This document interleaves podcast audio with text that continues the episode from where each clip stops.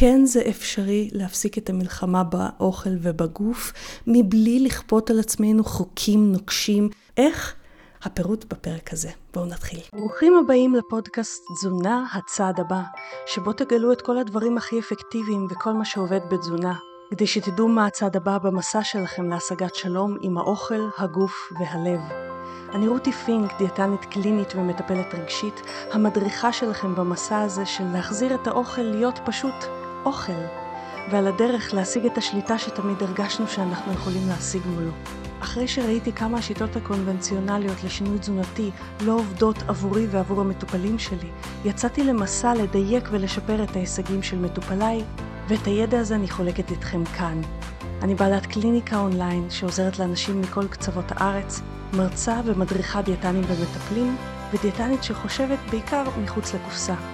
הדבר החשוב ביותר עבורי הוא לעזור לאנשים לשחרר את עצמם מהכבלים המיותרים באכילה ובחשיבה שלהם, שעוצרים אותם מלהגיע לשינוי שהם באמת מחפשים, וזאת תוך כדי השגת המטרות הבריאותיות והתזונתיות שלכם. ועכשיו לפרק.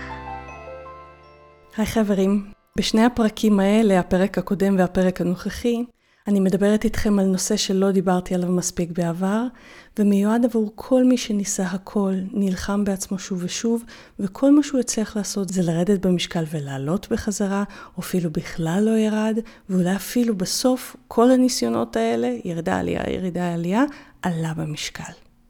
המטרה שלי היא להראות לכם מה השיפט, השינוי בחשיבה שדרוש כדי ליצור מצב שאתם פשוט מפסיקים את הלחימה בעצמכם, באוכל, בגוף, ויוצרים שלום עם האוכל והגוף. בפרק הקודם דיברנו מה המחיר של המלחמה שלנו ברמה הפיזיולוגית, מה המחיר של דיאטות, תפריטים וכן הלאה. ובפרק היום אנחנו נדבר על השינוי הזה שיוצר את השלום עם האוכל והגוף. רק לפני זה מגיעה לכם uh, הסבר על הפואנטה של הפרק הקודם, כי קיבלתי ממכם פידבקים שהיא לא הייתה ברורה מספיק. אז בואו גם ניזכר בזה לטובת אלה שלא הספיקו לשמוע את הפרק הקודם. מה שדיברנו והבאתי לכם את המחקרים שמוכיחים את זה, זה שבזמן שירידה במשקל יכולה לעזור למצב בריאותי, לא חייבים לרדת במשקל כדי לשפר את כל סוגי הבריאות, אבל חייבים לעשות פעולות מקדמות בריאות כדי להיות בריאים, כמו פעילות גופנית, כמו אכילה בריאה וכן הלאה. הם יכולים כן להביא לירידה במשקל, אבל הם לא חייבים. דיברנו גם על זה שלמרות כל זה אנחנו מפצצים במסרים מהרפואה, שיש לרדת במשקל כדי לשפר את הבריאות, וראינו שלמסרים האלה ולשאיפה כמטרה לרדת במשקל, כמטרה מרכזית, יש מחיר. פגיעה פסיכולוגית בביטחון עצמי, בתחושת well-being, קושי הולך ועולה ביכולת לעמוד מול אוכל, לרדת במשקל, ובסוף גם עלייה במשקל יותר ויותר עם כל מהלך כזה של דיאטה. דבר שלישי שדיברנו עליו זה שאחוזי הצלחה בירידה במשקל לטווח הארוך הם זעומים בכל סוגי הדיאטות. לא משנה אם זה דיאטת אינסולין, דיאטת לפטין, דל פחמימות, צום לסורגין, ווטאבר. ולאור המחיר הזה שהדיאטות האלה גובות, השאלה הנשאלת היא אם זה בכלל שווה את זה. אם בסוף אנחנו ממילא עולים ומשלמים יותר ויותר מחירים. ומפה מתחיל הפרק שלנו, כי דיאטה היא הכישלון המצליח ביותר בעידן המודרני. מעולם לא היה מצב של תעשייה, תעשייה שלמה הרי, שבו כל כך הרבה כסף הוצע על תוצאות כל כך זמניות, אם בכלל מגיעים לתוצאות. ואתם מבינים מזה שזה לא שאנחנו לא בסדר, זה עצם השאיפה לרדת במשקל כמדד לבריאות היא הלא בסדר, והצורה שבה מנסים להכניס אותנו לירידה הזאת, הדיאטות. אתם לא אשמים בכך שאתם לא מצליחים לרדת במשקל למרות שאתם מנסים הכל. למעשה אתם הקורבן של כל תעשיית הדיאטה הזו, שתמיד מבטיחה תוצאות, ובפועל עלולה ליצור יותר נזק מתועלת. אבל הבטחתי לספר לכם שיש דרך אחרת, ואת השיפט בחשיבה שדרוש בשבילה. והשיפט הזה הוא התחשבות בגוף. ולפני שאתם רוצים לנתק ולהגיד, אה, שמעתי את זה בעבר, אני רוצה שתקשיבו עד הסוף, כי אני בדרך כלל מעבירה את הנושא הזה בצורה מאוד מאוד שונה ממה ששמעתם עד עכשיו. בפרק הקודם התחלתי לדבר על כך שמה שמשותף לכל הדיאטות והתפריטים הוא אי התחשבות בגוף, והיום אנחנו הולכים לפרט על זה יותר. אז יש שני סוגים של אי התחשבות בגוף ביחס למשקל ולאוכל. הסוג הראשון הוא אי הקשבה לגוף, למשל כשהוא מבקש לאכול, כי בדיאטה כתוב שאנחנו לא אמורים לאכול בשעה הזאת והזאת, ואי הקשבה לגוף כשהוא מבקש להפסיק. למשל, אני שבעה אחרי, אני סתם זורקת. 100 גרם, אה, לא יודעת מה, חזה עוף עכשיו, ובתפריט כתוב 200, אז אני אכריח את עצמי לאכול, למרות שהגוף שלי אותת לי שהוא כבר שבע. אי הקשבה לגוף מתבטאת בכך שדיאטות גם גורמות לנו לפחד משובע, כי הרבה פעמים בדיאטות מאוד דלות קלוריות, אם אנחנו שבעים זה אומר שאנחנו כבר חרגנו מהדיאטה. וגם הדיאטות גורמות לנו לאי הקשבה לגוף ברמת ההנאה. אנחנו אמורים ליהנות מהאוכל שלנו, אנחנו לא אמורים לאכול רק אוכל שאקסטרה מהנה אותנו, כמו שג'אנק פוד עושה, אבל אנחנו כן אמורים ליהנות מאוכל, והרבה פעמים הנאה מאוכל מקושרת אוטומטית אצל אנשים בעקבות הניסיון עם הדיאטות, למשהו שהוא אוטומטית אומר שהם עושים משהו לא בסדר, אם הם נהנים אז זה אומר שזה לא בסדר. אז זה סוג אחד של אי הקשבה לגוף. אי הקשבה, או אפילו שכחה איך לזהות רעב, ואיך לזהות שובע ועצירה בו. יותר מזה, כמו שראינו בפרק הקודם, מחקרים מראים שמעצם הכניסה לדיאטות, אם אנחנו נראה קרואסון, יהיה לנו קשה יותר לעמוד מולו, כי אנחנו נהיה יותר מנותקים מהסימנים של הגוף, ויותר מחוברים לוואי, כמה בא לי. אז זה הצעד הראשון של אי הקשבה לגוף. חוסר הקשבה לסימנים שהוא שולח לנו, וחוסר יכולת ללכת לפי הסימנים האלה. הצד השני הוא צד שרבים מסרבים לקחת ואפילו מתנגדים לקחת, וזה בעיניי הצד והצד והצד שחסר בכל הדיאטות, והוכח מחקרית, ואני תכף אדבר איתכם, פחות אלאה אתכם במחקרים, אבל כן אדבר איתכם במחקרים, זה הצד שעושה הבדל אדיר בהצלחה גם לטווח הקצר וגם לטווח הארוך. מהו הצעד הזה? הצעד הזה הוא להשלים עם הגוף שלכם כפי שהוא היום, ולהפסיק לשנוא את מה שאתם רואים במראה. ושוב, אני יודעת שזה צעד שנורא נורא מעורר התנגדות, אז תהיו איתי שנייה כי אתם הולכים לשמוע את זה בצורה אחרת ממה שאולי שמעתם בעבר. וברור לי שזה משהו שמאוד מאוד קשה לעשות בעולם הנוכחי שלנו, ואני אדבר גם על הקושי הזה. אז איך הצעד הזה של להשלים עם הגוף שלנו כפי שהוא היום ולהפסיק לשנוא אותו, קשור לזה שאנחנו לא מצליחים בדיאטות. קודם כל, בואו נדבר רגע מחקרים. אני לא אלאה אתכם במספרים כפי שעשיתי בפרק הקודם, כי קיבלתי על זה קצת פידבקים שאתם מעדיפים קצת פחות מספרים ופחות דיבורי ניתוחי מאמרים. אז אני אגיד בקצרה, שחיוביות כלפי הגוף בשני הכיוונים האלה, גם קשיבות לסימנים שלו וגם חיוביות לצורה שלו כפי שהוא כיום, מראה במחקרים גדולים מאוד ובמטה אנליזות קשר עם יותר רגשות חיוביים לאורך היום, יותר חמלה עצמית, יותר הערכה עצמית, יותר well-being, ירידה גדולה יותר בסימפטומים של בולמוסי אכילה והפרעות אכילה, ירידה באכילה רגשית, ירידה באכילה בתגובה לגירויים חיצוניים, כמו קרואסון שאמרתי לכם שאם אנחנו רואים אותו ואנחנו בדיאטה ואנחנו שונאים את הגוף שלו, אנחנו נרצה אותו יותר מאשר הפוך. הקשיבות הזאת והחיוביות הזאת לקשיבות לגוף ולצורה שלו קשורים גם לירידה בחרדתיות סביב הגוף והמראה, שזה הגיוני, ירידה בסימני דיכאון ורגשות שליליים, והכי מפתיע, במשקל נמוך יותר. זה לא שהמשקל מוריד לנו את השנאה לגוף, אלא שהאהבה לגוף יכולה לגרום לנו לפעולות מקדמות יותר ירידה במשקל. אז אנחנו רואים במחקרים מאוד גדולים שההפך ממה שאנחנו חושבים הוא הנכון. ככל שנקבל את הגוף שלנו יותר כפי שהוא עכשיו, כך דווקא לפי המחקרים נשקיע בו יותר, וכך גם יש לנו יותר סיכוי לפעולות שישפרו לנו את הבריאות, אפילו אם לא נצליח לרדת במשקל, והרבה פעמים הפעולות האלה ישפרו גם את המשקל. וזה ממש בניגוד לכל מה שאנחנו מכירים בעולם הדיאטות, נכון? בעולם הזה אנחנו מכירים את זה שאם אנחנו לא נהיה מרוצים מהגוף שלנו, רק אז יהיה לנו סיכוי להזיז משהו במשקל ובבריאות, נכון? לא נכון. תחשבו, אם אני לא מרוצה מהגוף שלי עכשיו, אני מזינה את עצמי. ואת כל החלקים הלא מודעים שלי הולך וחזור במחשבה אחת כמו מנטרה, והמנטרה הזאת עושה לי שטיפת מוח גם אם אני לא מתכוונת לזה. והשטיפת מוח הזאת הולכת ככה, עכשיו המצב של הגוף שלי לא טוב, אבל בנקודה מסוימת בעתיד הוא יהיה טוב. מכירים את זה? כמו למשל, עכשיו אני לא נראית טוב, ולכן לא טוב לי, אבל אם ירד במשקל, אראה טוב יותר ואהיה מאושרת יותר. ואנחנו חוזרים על זה יום אחר יום, יום אחר יום, והחזרתיות הזאת שוטפת לנו את הלא מודע, ואז נגיד אנחנו אפילו יורדים במשקל, ואנחנו כבר במשקל חדש, שבו אמור להיות לנו הרבה יותר טוב. אבל מה יושב בלא מודע שלנו בשלב הזה? מה שהאזנו את עצמנו בו שנים על גבי שנים. עכשיו לא טוב, ולכן לא טוב לי. אבל אם ארד במשקל, יהיה יותר טוב לי. ואז הלא מודע שלנו הולך לחפש דברים אחרים שבהם צריך לשפר את הגוף, ומוכיח לנו גם כמה לא טוב לנו עכשיו.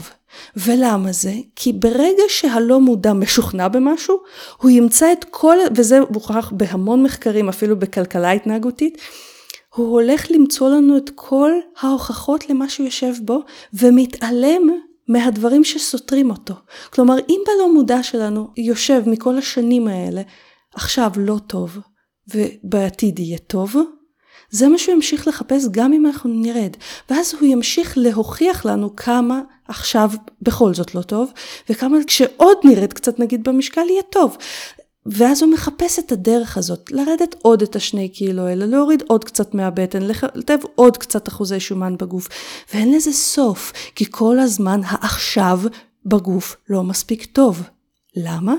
כי אנחנו לא מצליחים בשום שלב לקבל את מה שיש עכשיו. אנחנו כל הזמן כבר לכודים בעתיד יהיה טוב יותר, כי עכשיו לא כל כך טוב. אבל אם המחקרים מראים שזה דווקא מזיק ליכולת שלנו לשפר את הבריאות ומזיק ליכולת שלנו לרדת במשקל, אז מדוע זה כל כך מרתיע אותנו לחשוב על לקבל את הגוף שלנו כפי שהוא עכשיו? יש לזה הרבה סיבות לצערנו, ואני אמנה את כולם. כי משם, מכל הסיבות האלה, מגיעה התנגדות שאולי אתם חשים כרגע, אולי אתם חשים בקטע של די, דיבורי הקבלה העצמית האלה נמאסו עליי, או זה לא יעזור לי, או משהו אחר, אני אתייחס לכולם. לצערנו בחברה שלנו זה יותר קל לשנוא את הגוף במקום לאהוב אותו. גם כי זה מה שהתחנכנו עליו כל השנים, שהגוף זה הפלקט שלנו, שאנחנו מציגים את עצמנו דרך הגוף שלנו, ואם הפלקט הזה לא טוב, אז גם אם הבפנים שלנו מצוין, הפלקט לא יראה את זה, או לא יראה את זה מספיק, או אחרים לא יצליחו לראות את זה. קל לנו גם לשנוא את הגוף שלנו, כי זה מה שכולם עושים. כולם בחברה שלנו לא אוהבים את הגוף שלהם. גם הדוגמניות, שהן בעצם הפלקט שאליו אנחנו נושאים עיניים, ואומרים רק אם אנחנו נראה ככה, או אפילו לכיוון הזה, אנחנו נהיה יותר בטוב. וזה מדבק חוסר האהבה הזאת, הסחף החברתי הזה לשנאה עצמית. זה יוצר מצב שאהבה לגוף כפי שהוא, בלי שיפוט, כל כך מנוגדת למה שכולם עושים, שזה חתיכת מרד עוצמתי מול החברה אפילו לדמיין את זה, ולא לכולם קל להיות בחלק המורד. הרבה יותר קל לנו לעשות את מה שאחרים עושים, כי בטח הם יודעים יותר טוב. קל לנו לשנוא את הגוף שלנו כי יש סטיגמה על אנשים עם גופים גדולים יותר. סטיגמה שלצערנו המחקר נסחף אחריה. כי בזמן שהמחקר מוכיח שלא חייבים לרדת במשקל בשביל לשפר את הבריאות, תולים הרבה פעמים במחקרים לא איכותיים מספיק את הבריאות במשקל, ואז בצורה לא מודעת מאששים את הסטיגמה הזאת. אבל הסטיגמה הזאת, או מה היא אומרת? שאנשים עם משקל גוף גדול יותר הם עצלנים יותר, הם נכשלים יותר, הם זקנים יותר, הם מוותרים לעצמם יותר בקלות. והסטיגמה הזאת זה סטיגמה. זה לא המציאות, אבל אנחנו לא רוצים להיות בצד שמקבל את הסטיגמה. קל לנו יותר לשנוא את הגוף שלנו, כי יש לנו מחשבות גם שאם אנחנו אוהבים את הגוף, אנחנו מוותרים לעצמנו. ופה המחקרים מוכיחים שההפך הוא הנכון. ואני חושבת שעדות של מטופלים תגיד פה הרבה יותר מאשר אני אגיד לכם. אז אני אצטט לכם משהו שכתבה בשבוע שעבר מטופלת שלנו בקבוצה של מרכז פינק. רותי, רציתי לומר לך תודה על הלייב, כמה מחזק. ובהקשר של אהבה לגוף עלתה לי אסוציאציה של בית. אם יש לי בית שאני אוהבת, אטפח אותו ואדאג לו ואשדרג אותו, והכל מאהבה. אבל אם יש לי בית שאני לא סובלת, לא, הוא לא בא לי טוב אנרגטית, אני אזניח אותו עוד יותר ורק ארצה להיפטר ממנו. לא תהיה לי שום כוונה להיטיב איתו, כי אני פשוט לא מאמינה ביכולת שלו לשמח אותי. ועכשיו אפילו יותר קל לי להבין את השיעור החשוב והמדהים הזה. זה בדיוק זה. ככל שאנחנו שונאים משהו, אנחנו פחות רוצים להשקיע בו, לא יותר. שנאה, אשמה, מביאה אולי בטווח הקצר לפעולות שגורמות לנו לרצות לזוז מהמקום הזה, ואז הפעולות האלה יכולות לעזור לנו להתחיל דיאטה, אבל הם אף פעם לא יגרמו לנו להשקיע בטווח הארוך בדבר שאנחנו שונאים. ובטווח הארוך זה מה שחשוב בו בעניין המשקל. וזו הסיבה הפסיכולוגית המשמעותית ביותר שבטווח הארוך אצל רוב האנשים הדיאטות לא שורדות.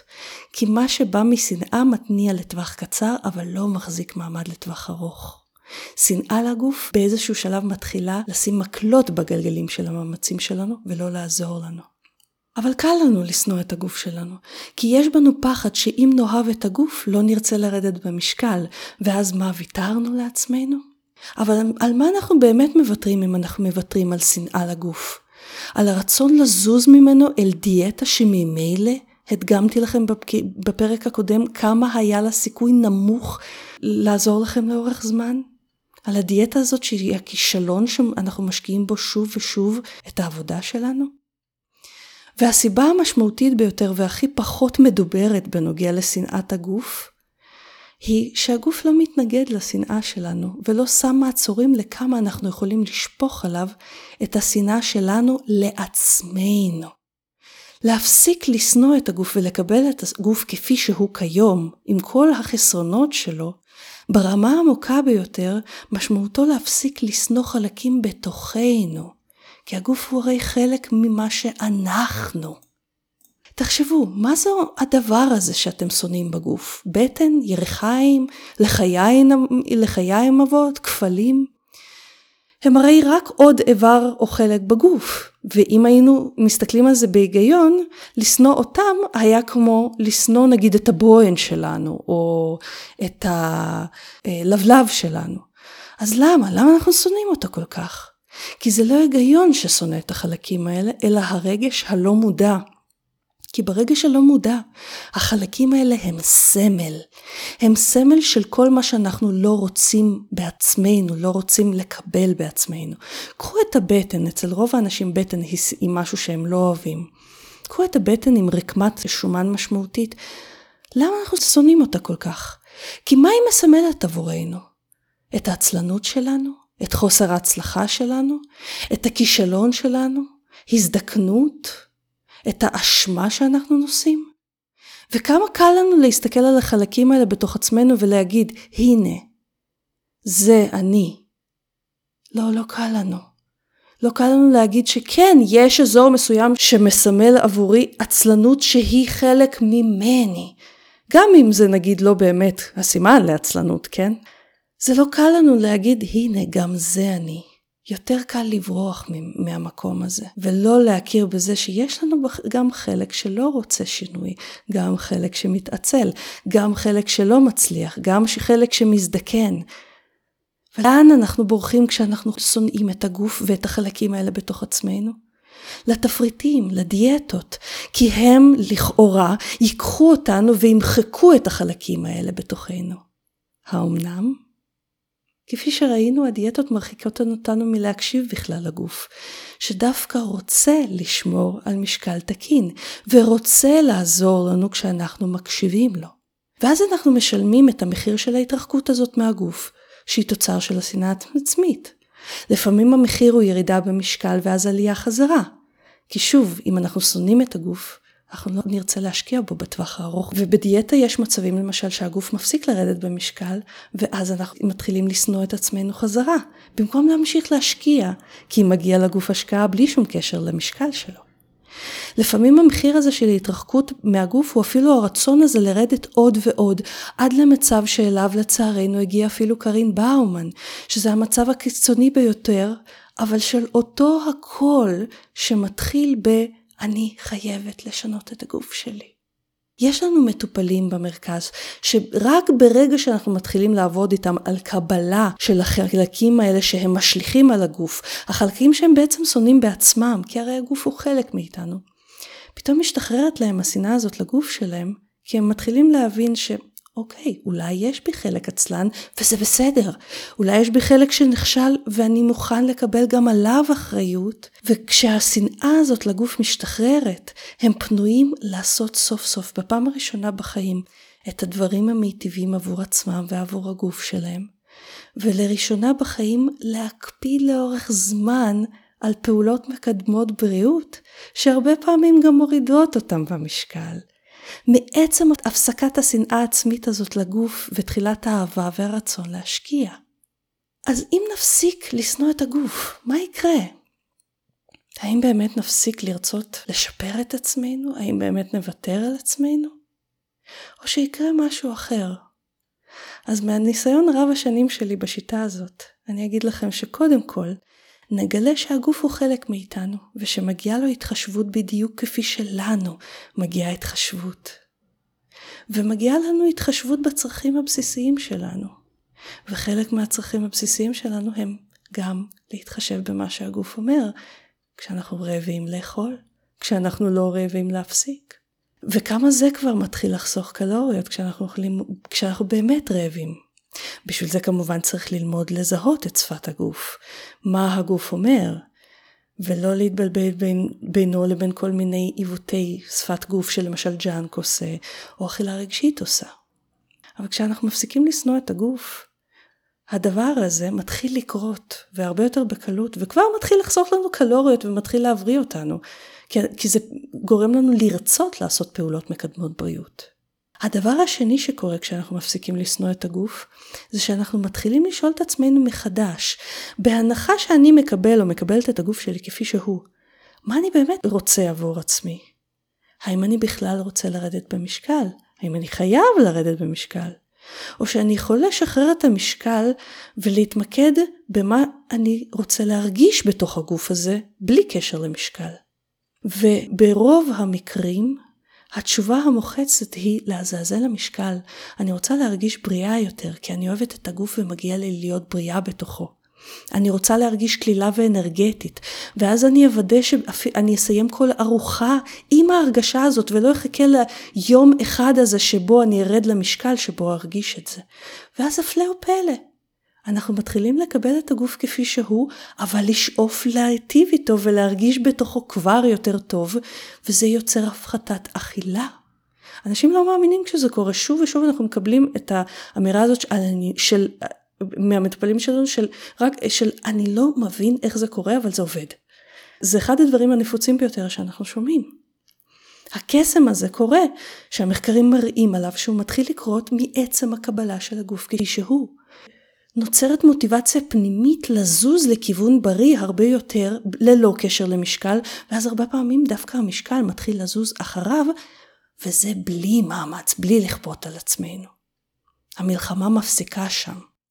ומתוך החיבור הזה למוטיבציה הפנימית, שזו תחושה אדירה ונעימה, מעצם החיבור הזה קורה הדבר השלישי כשאנחנו מתחילים לכבד את עצמנו ואת הגוף. אנחנו מתבאסים להיכנס לכל סוג של דיאטה, כי אנחנו מבינים עד כמה הכתבה של כל סוג של חוק על אוכל מבחוץ מפרידה בינינו לבין עצמנו, בינינו לבין החלק הזה בתוכנו שנקרא הגוף. אבל אנחנו כן מגויסים הרבה יותר לשאול את הגוף בכל ארוחה, האם אתה בכלל רעב? האם אתה הגעת לשובע? האם זה עשה לך טוב או לא טוב? ואנחנו פנויים יותר להקשיב באמת.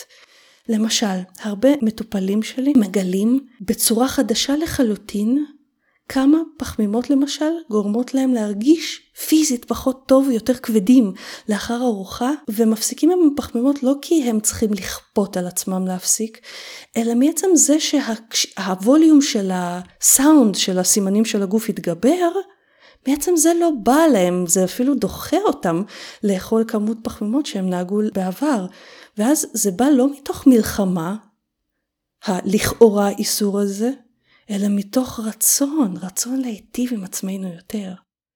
וברגע שלומדים לעשות את כל הדברים האלה ולהקשיב את ההקשבה הזאת בצורה מקצועית ונכונה, כי רוב האנשים חושבים שהם מקשיבים לגוף, רוב האנשים חושבים שלהקשיב לרעב וסובה שם זה נגמר וזה לא נגמר שם, צריך להפסיק את הרעש שגורם לנו לא להקשיב לגוף.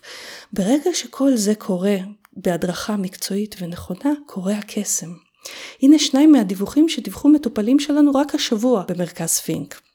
הנה, אני מקריאה לכם ציטוטים מוואטסאפ. אילת, מלון, בופה ארוחת בוקר. אוכל נכון, נהנה מהאוכל. לוקח גם פרוסת עוגה קטנה.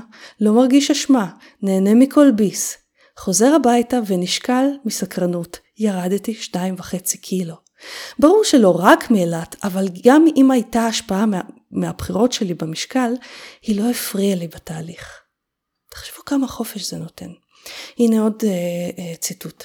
טרי מעכשיו ואני עדיין מופתעת מעצמי. הביאו לנו פיצות לארוחת צהריים בעבודה ובראש שלי עד כה החזקתי בתפיסה הזאת, אני לא מסוגלת לעמוד בפני פיצה.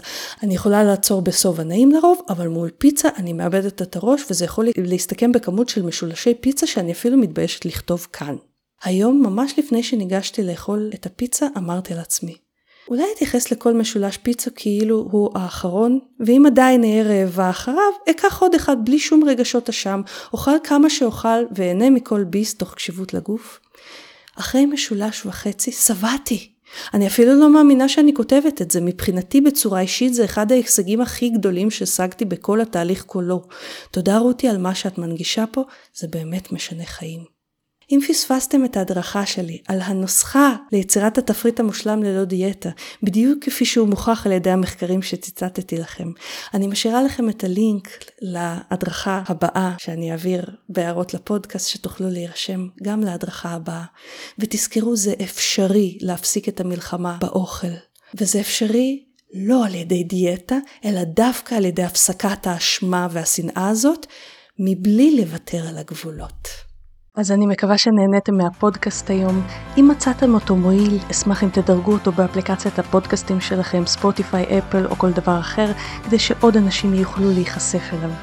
אם אתם רוצים תכנים רבים נוספים בחינם על אכילה רגשית, התמכרות לאוכל, תזונה דלת פחמות וצום לסירוגין, אתם מוזמנים לאתר שלנו או לאינסטגרם ולפייסבוק שלנו, שהלינקים אליהם מופיעים בהערות לפודקאסט. חשוב להדגיש שהפודקאסט לא מהווה תחליף לייעוץ אישי ונועד לצורכי מידע בלבד. בכל שאלה רפואית או תזונתית יש לפנות ישירות לאיש מקצוע. אנחנו ניפגש בעוד שבוע, ועד אז מזמינה אתכם לשתף אותי מה הצעד הבא שלכם השבוע ליצירת שלום עם האוכל, הגוף והלב שלכם.